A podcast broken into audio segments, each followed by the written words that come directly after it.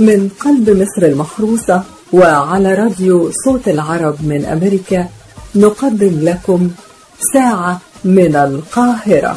مستمعينا الأعزاء في كل مكان أهلا بكم معنا في هذه الجولة المتنوعة وعلى مدار ساعة كاملة.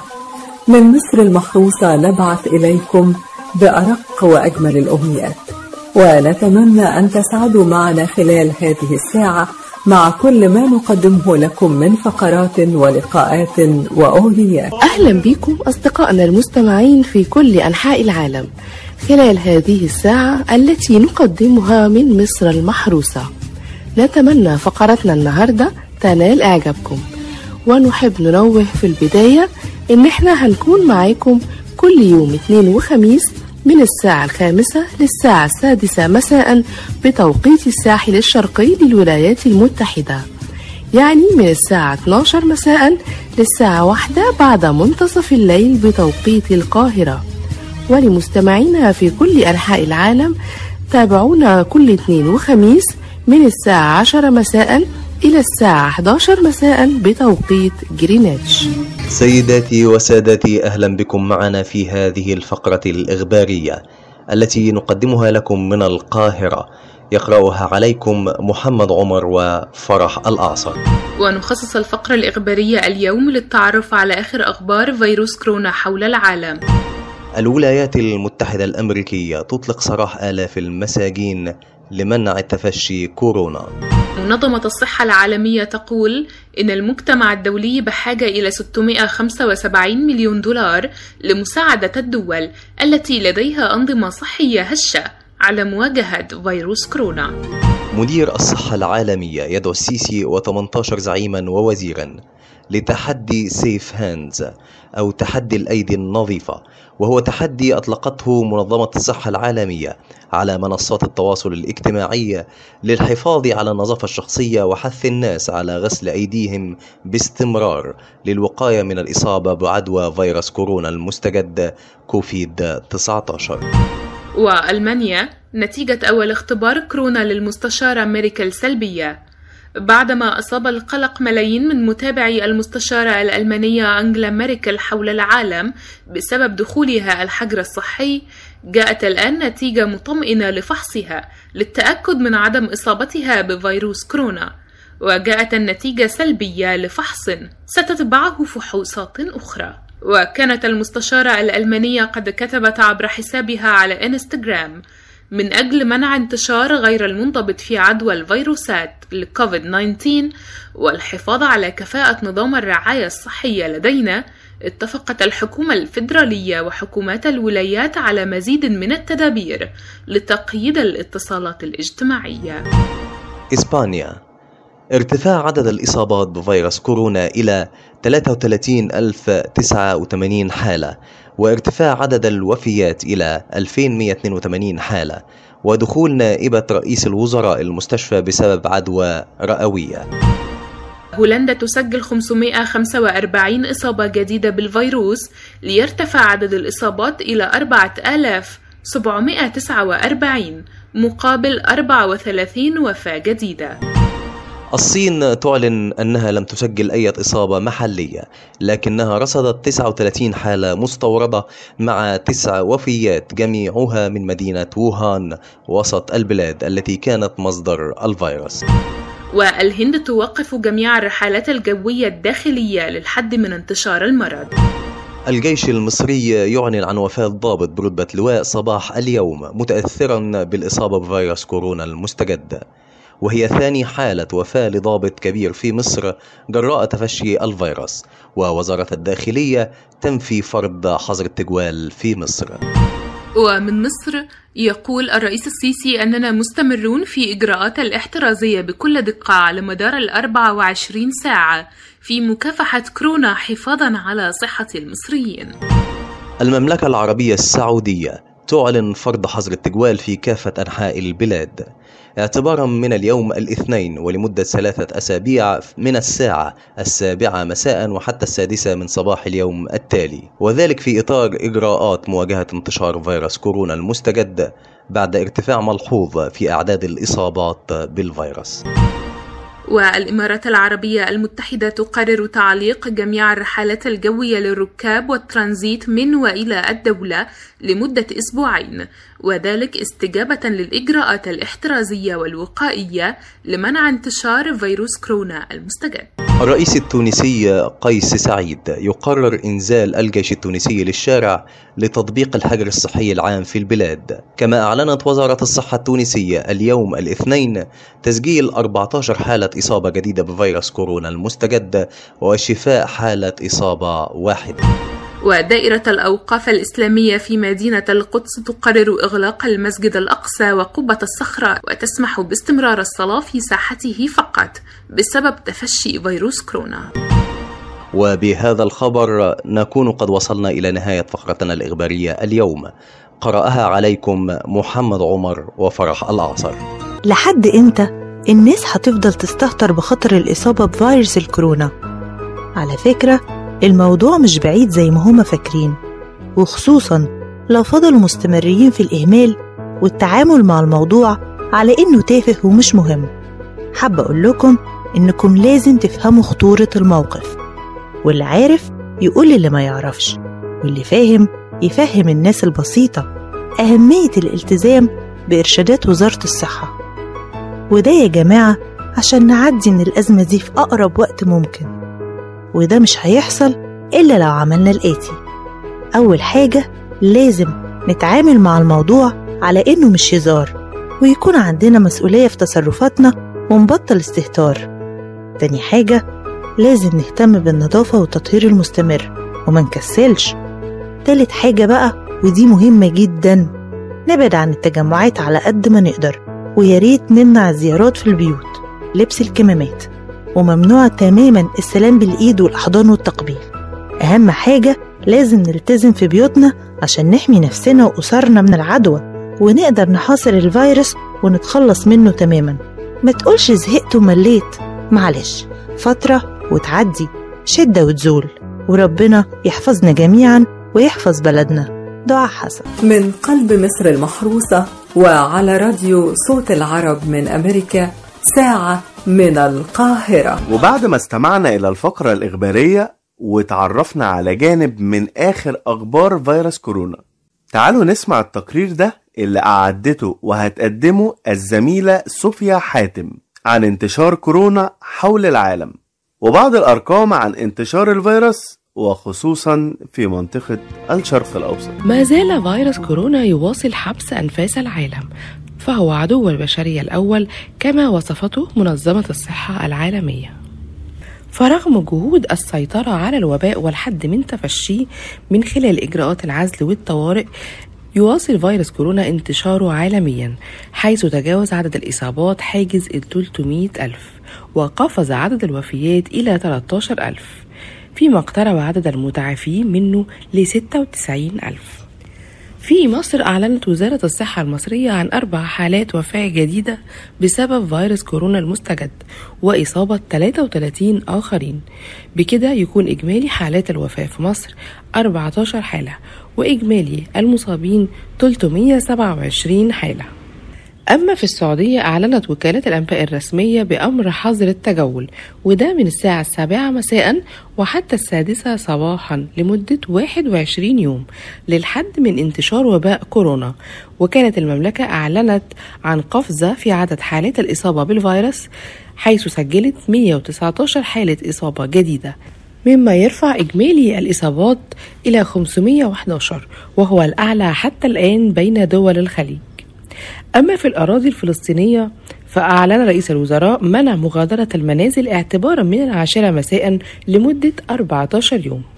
وأعلن الناطق باسم الحكومة الفلسطينية تسجيل ست حالات إصابة جديدة بالفيروس ليصل الإجمالي إلى 59 حالة 17 منها شفيت من المرض.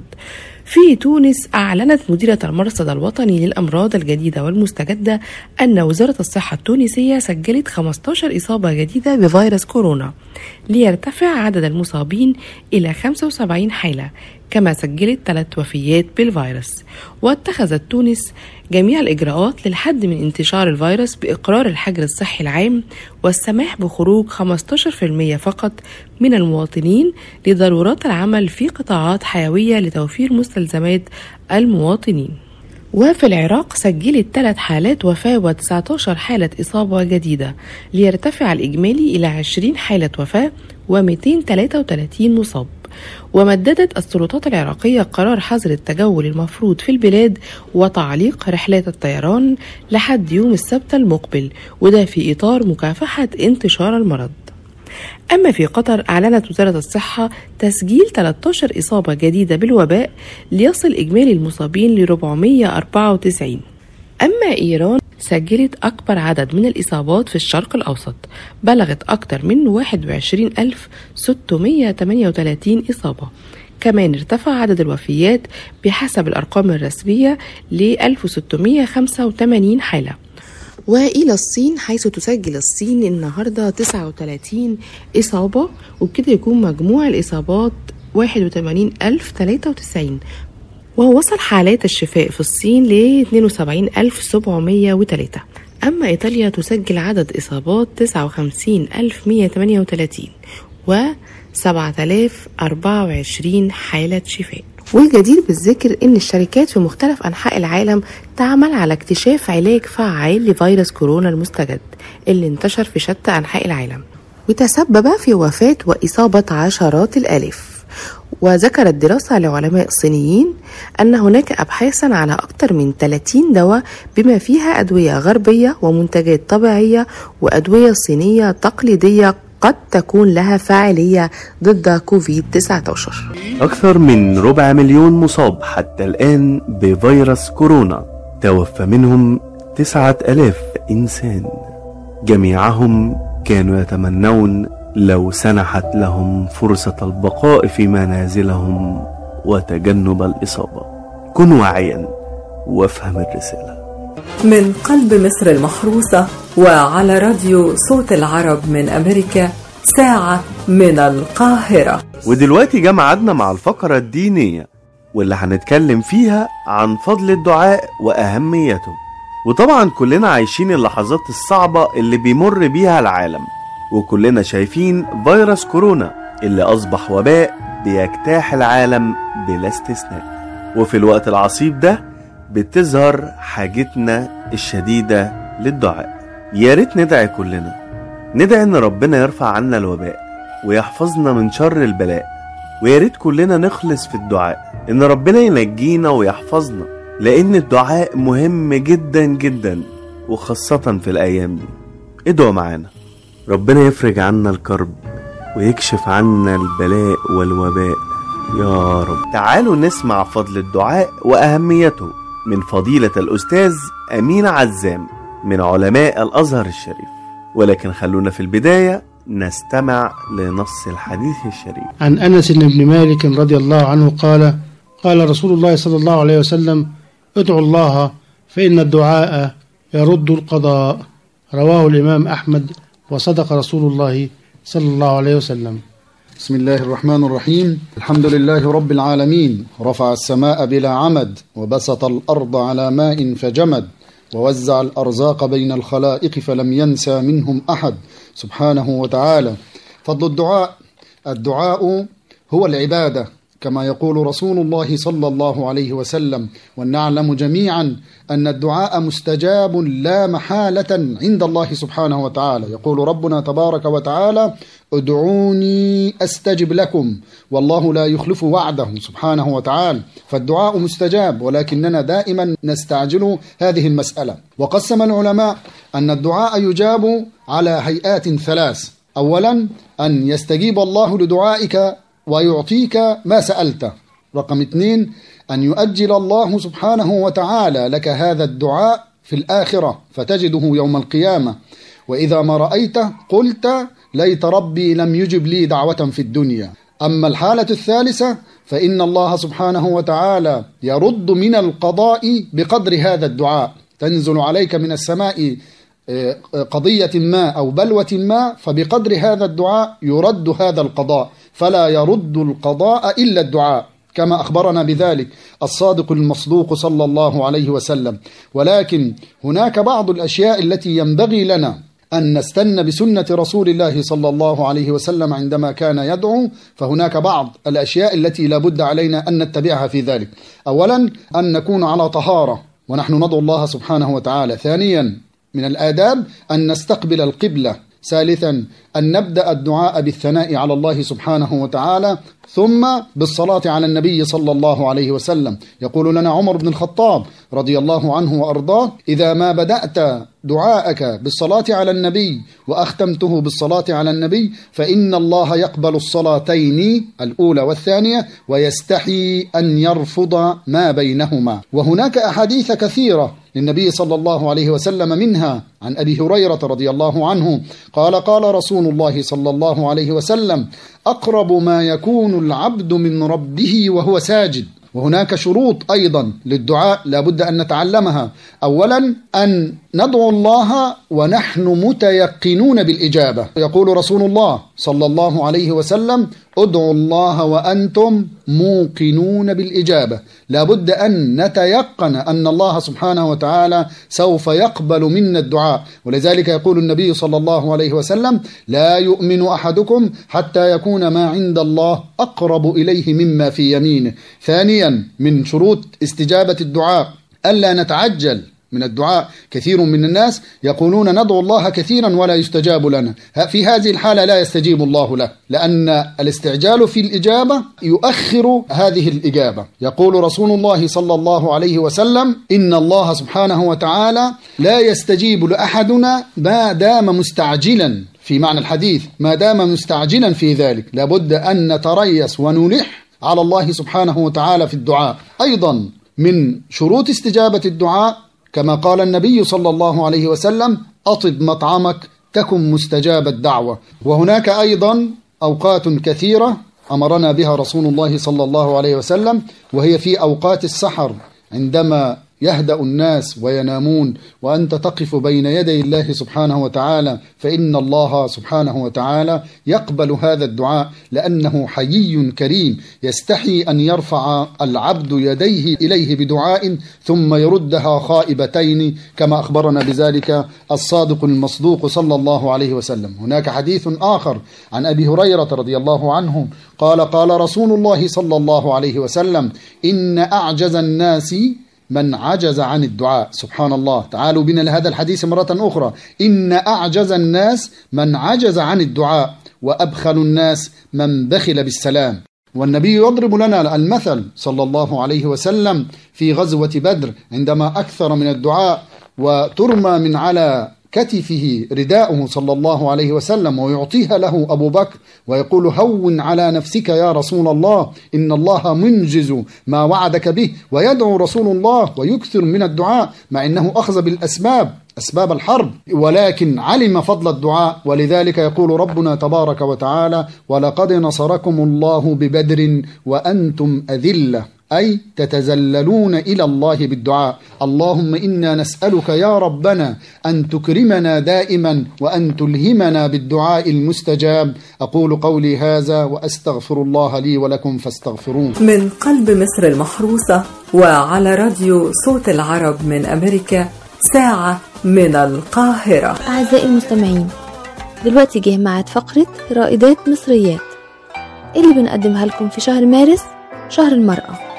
وفقرة النهاردة عن واحدة من أبرز الناشطات النسويات المصريات وهي هدى شعراوي رسالة من السيدة إستر فهمي موسى التاريخ 8 يناير سنة 1920 لقد اجتمعت سيدات مصر في الكنيسة المرقسية الكبرى وأجريت عملية انتخاب لجنة الوفد المركزية للنساء.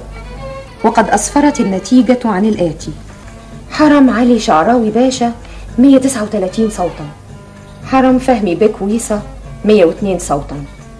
حرم عمر باشا سلطان 100 صوتا. ومرسل لك الاحتجاج الموجه من لجنة السيدات إلى الحكومة البريطانية من نسختين للتوقيع عليها بصفتك الرئيسة مع خالص تهنئتي إستر فهمي ويسا. مبارك يا هانم اختيارك لرئاسة لجنة الوفد. أما قلت لك يا سعيد إن المشوار طويل. لقد بدأنا العمل السياسي وعلى المرأة المصرية أن تقوم بمعركة العمل الاجتماعي من الآن. معارك أخرى يا سيدتي. إلى متى؟ إنها ضريبة الريادة يا سعيد. وأدعو الله أن يوفقني في أداء واجبي نحو المجتمع ونحو المرأة المصرية. ولدت نور الهدى محمد سلطان الشعراوي في مدينة المنيا في صعيد مصر. عام 1879 نشأت في بيت مليء بالآراء السياسية. فوالدها هو الأستاذ محمد سلطان باشا رئيس مجلس النواب المصري الأول في عهد الخديوي توفيق. وكانت هدى طفلة عندما توفي والدها. وتلقت هدى خلال نشأتها دروسا منزلية في اللغة العربية والتركية والفرنسية. كما أنها حفظت القرآن الكريم في سن التاسعة. وهو إنجاز غير مسبوق لفتاة. وفي سن الثالثة عشر رتبت والدة هدى شعراوي لخطبتها لابن عمتها الذي يكبرها بما يقارب الأربعين عاما. كما أنها حظيت بدرجة من الحرية مما أتاح لها فرصة استكمال دراستها للفرنسية وتوسيع دائرة أصدقائها ومعارفها. شهدت فترة بداية القرن العشرين انطلاق الشرارات الأولى للوعي النسائي في مصر. لدى هدى شعراوي وأخريات. حيث كانت بداية للحركة النسوية المنظمة ولكنها ظلت سرية لفترة من الزمن. وتسرد هدى شعراوي في مذكراتها بداية نشاطها لتحرير المرأة والذي بدأ أثناء رحلتها الاستشفائية بأوروبا بعد زواجها وانبهارها بالمرأة الإنجليزية والفرنسية في تلك الفترة. وهناك تعرفت على بعض الشخصيات المؤثرة التي كانت تطالب بتحرير المرأة.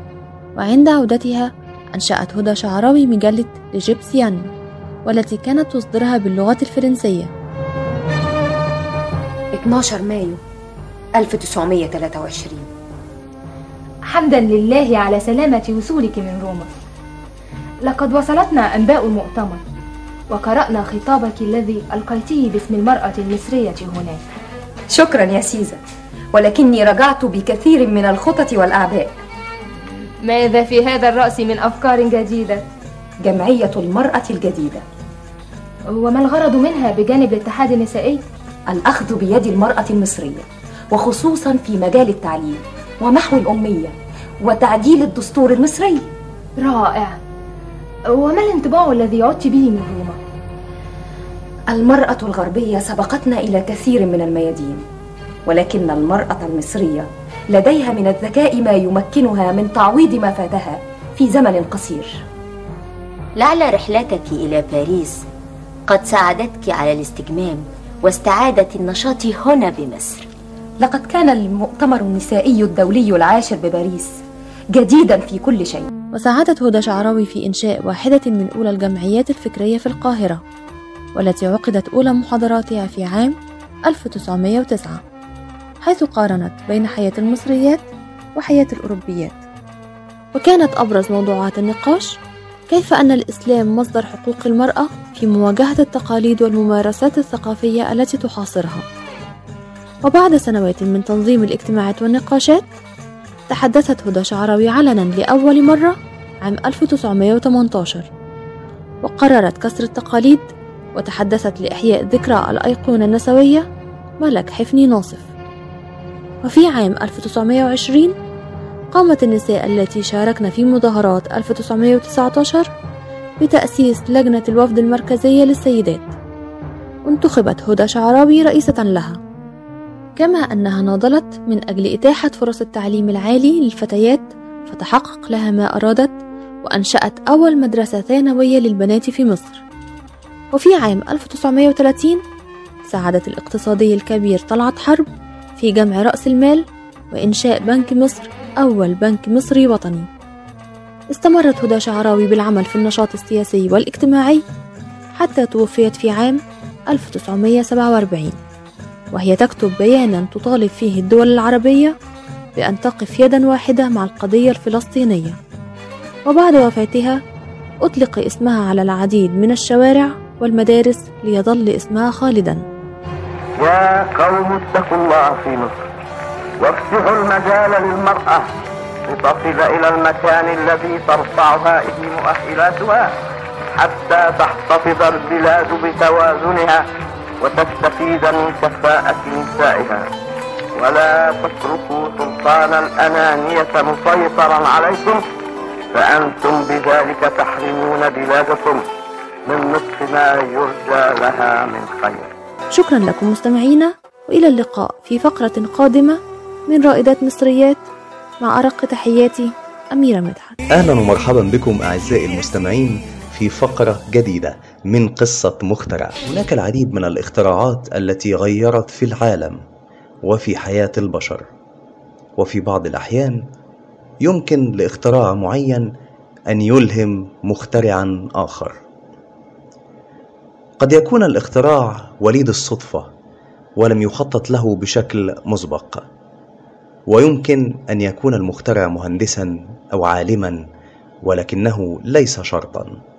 لذلك ارتفع معدل الاختراعات في العالم كما يمكن تعريف المخترع على أنه أي شخص يملك مهارات معينة كالملاحظة الحادة والتحليل الخارق ولا بد من التفريق بين الاختراع والاكتشاف العلمي فعلى الرغم من تقارب المفهوم لكنهما ليس نفس الشيء. الحقيقة النهاردة هنتكلم عن أداة أو اختراع طبي لا غنى عنها في المجال الطبي واللي دايما أما بنروح نكشف عند دكتور أو في المستشفى لازم بنشوفها من الأدوات التي يستخدمها الطبيب للكشف والتشخيص لمعرفة حركة دقات القلب أو التنفس في الرئتين وغيرها.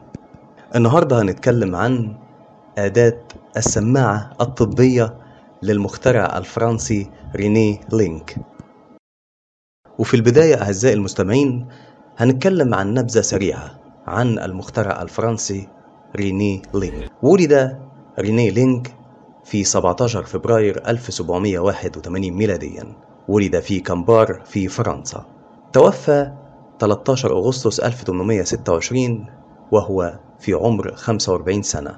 وكان يعمل طبيبا ومخترع وبروفيسور الحقيقة إن الموقف اللي تعرض ليه الدكتور ريني لينك واللي ألهمه لاختراع هذه الأداة العظيمة كان موقف غريب جدا جدا حيث استدعى الدكتور ريني لينك في عام 1816 لفحص فتاة من مرض في قلبها. رفضت الفتاة أن تسمح للطبيب بوضع أذنيه على صدرها كما جرت العادة في ذلك الحين. وبالصدفة البحتة وجد الدكتور ريني لينك بجوار الفتاة صحيفة قام بلفها على شكل أسطوانة ووضع طرفا منها على صدرها والطرف الآخر على أذنه. واندهش الدكتور ريني لينك حينما سمع دقات القلب بوضوح شديد. وما أن فرغ من فحصها حتى كانت قد اختمرت في رأسه فكرة السماعة الطبية التي يستعملها الأطباء اليوم في مختلف أنحاء العالم. وكان موقف تلك المريضة هو اللي هدى تفكير الدكتور الفرنسي ريني لينك إلى ابتكار السماعة الطبية بحيث إن بعد كده تطورت من الأنبوبة الورقية الملفوفة على نفسها إلى أسطوانة خشبية طولها تقريبا قدم. لها أذنين مستدقة الطرف. وطبعا بعد التطوير ومراحل التفكير الطويلة تبلور الابتكار لتصبح السماعة على هيئتها الحالية وهي عبارة عن أذنين مناسبتين للأذن البشرية. بتتصلان بواسطة أنابيب مرنة مصنوعة من المطاط بصدر جهاز رصد يعمل على تكبير ونقل أصوات القلب والرئتين وللراصد الصدري جانبين عادة. أحدهما جرس قليل العمق ذو إطار مطاطي بيلتقط النغمات منخفضة التردد وعلى الجانب الآخر غشاء بيشبه الطبق بيعزل الأصوات عالية التردد. وعايز أنوه إن المخترع ريني لينك كان مسيحيا متدينا بشكل كبير وظل كاثوليكيا وقد لوحظ عنه بأنه رجل كان في منتهى اللطف وكان محبا للفقراء. وبكده أعزائي المستمعين بنصل إلى نهاية فقرتنا. اللهم احفظ مصر وشعبها. اللهم ارفع عنا البلاء والوباء. أترككم في رعاية الله وأمنه على أمل اللقاء في فقرة جديدة. كان معكم محمد عمر. من قلب مصر المحروسة وعلى راديو صوت العرب من أمريكا ساعة من القاهرة. مستمعينا الأعزاء دلوقتي جه ميعاد فقرة الأبراج فتابعونا. الحمل كائن قابل للانفجار. عندما يسوء مزاج برج الحمل يصبح بالفعل كائن قابل للانفجار فهو بيبتعد عن كل حاجة حتى الأشخاص اللي بيحبهم. من الأفضل وقتها إن أنت كمان تبعد عنه في الحال وما تلوموش ولا تضغط عليه قبل أن يفجر كل من حوله. أما برج الثور فهو زعيم نفسه. برج الثور قادر على تكوين وحماية عالمه الخاص بعيدا عن أعين الفضوليين ولما بيضع نفسه في عالمه ده بيكتفي وقتها بكل ما فيه ومش هيفرق معاه أي شخص آخر. أما بقى برج الجوزاء فأنت مع الجوزاء أظبط ساعتك. وقته ثمين جدا حتى لو كان غير منشغل بشيء معين. وقته دايما مش ملكه. هو مش بيحب يضيعه في أفكار تافهة أو أشخاص لا فائدة منهم سوى مزيد من الملل. مع الأسد احذر انقطاع الخيط.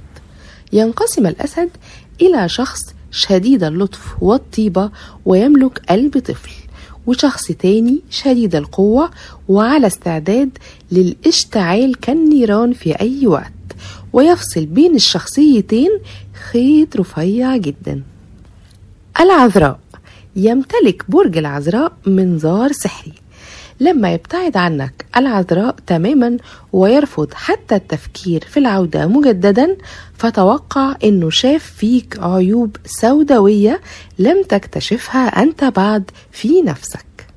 برج الميزان لا يشبه أحد. لا تضعه في مقارنة مع أي شخص خاصة لو كان الشخص ده يقصد عداوته وأذيته. حتى لو كانت المقارنة لصالح الميزان. مجرد فكرة المقارنة في حد ذاتها لن يمررها لك مرور الكرام. أما برج العقرب وانت معاه احذر الملفات. ما تخافش من برج العقرب لو عرف نواياك وكشفها لك. ولكن تقلق لو عرف نواياك جيدا ولم يكشفها لك. فربما يحفظها في ملفات مخه لوقت آخر مناسب ومقلق أكتر. برج القوس كابوس لأعدائه. لا يحب من يفتعل المشاكل من أجل لا شيء هيبتعد عنهم فورا. ولكن إن كانوا يفتعلون مشاكل معه شخصيا لأذيته فهو على استعداد وبكل بساطة إنه يوريهم أسوأ كوابيس في حياتهم. الجدي لا يختار مرتين. برج الجدي مش بيطيق حد يساومه ومن يحاول عرض شيء عليه مقابل شيء آخر فبرج الجدي لا يضحي بسهولة بما له سواء كان إنسان أو شيء يملكه وإن ضحى فده معناها إنه وقع من نظره تماما. مع الحوت البقاء دائما للأقوى. يستخدم برج الحوت أحيانا أسلوب الحيرة مع البعض وده لا يعني أبدا إنه يكرههم بل بالعكس كلما كانوا يهمونه كلما لاعبهم وحيرهم بمرح وبساطة والأذكى منهم من يصمد مدة أطول. وبما إننا دخلنا فترة مواليد برج الحمل برج العفوية والعصبية والجرأة والمخاطرة والبساطة والصراحة ملوك الأكشن فهنقول شوية صفات لبرج الحمل. برج الحمل هو من أكتر الأبراج قوة مليء بالنشاط والحيوية كمان بيتمتع بشخصية حادة ومغامر. مواليد برج الحمل يكرهون إعطائهم الأوامر. هم بيفضلوا دايما فعل الأشياء بطريقتهم عشان كده هم اشتهروا بالقيادة. بشكل عام هم أشخاص يلاحظهم الآخرون ودايما بيجذبوا اهتمام الناس بيحبوا المشاعر القوية ومدمنين على الأدرينالين. شخصيتهم القوية تقودهم غالبا إلى معارضة أو مواجهة مع بعض الأشخاص. معروف عنهم الصراحة وإنهم دايما بيقولوا اللي بيفكروا فيه ودي ميزة قوية جدا ليهم. مش بيحبوا التخطيط أو وضع برامج بيعيشوا اليوم بيومه. بالنسبة لهم العمل يسبق التفكير. برج الحمل عبارة عن باكج من الانفعالات المتغيرة كل ساعة. شجاعة مخاطرة لحد الجنون بساطة وحماس لأبسط الأمور.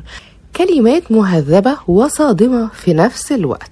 بيحب العفوية والصدق. بكده مستمعينا نكون وصلنا لنهاية فقرة الأبراج. نتمنى تكون نالت إعجابكم. كانت معاكم من القاهرة صوفيا حاتم. دمتم بخير. وفي النهاية يا رب تكون فقراتنا عجبتكم النهاردة. ولو عايزين تسمعوا حاجة معينة أو معلومة أو أغنية أو فيلم أو مسرحية أو لو عندكم أي استفسار أو سؤال ابعتوا لنا على طول على صفحة البرنامج على موقع راديو صوت العرب من أمريكا. وهنكون دايما معاكم ونلبلكم كل طلباتكم. يا رب دايما تكونوا مبسوطين معانا ونشوفكم على خير مع ساعة من القاهرة مستمعينا الأعزاء وبكده نكون وصلنا بيكم إلى نهاية فقرتنا ورحلتنا النهاردة. وعلى أمل أن يتجدد اللقاء معكم في حلقة قادمة ورحلة جديدة بإذن الله. ومن هنا من قلب القاهرة نرسل لكم بأرق أمنياتنا الطيبة بقضاء أجمل الأوقات مع تحيات فريق عمل ساعة من القاهرة محمد عمر محمد صبري صوفيا حاتم منى الألفي دعاء حسن بسمة محمد شموع شكري رنا عصام وأميرة مدحت دويدار وهذه أرق تحياتي كان معكم من القاهرة مجدي فكري.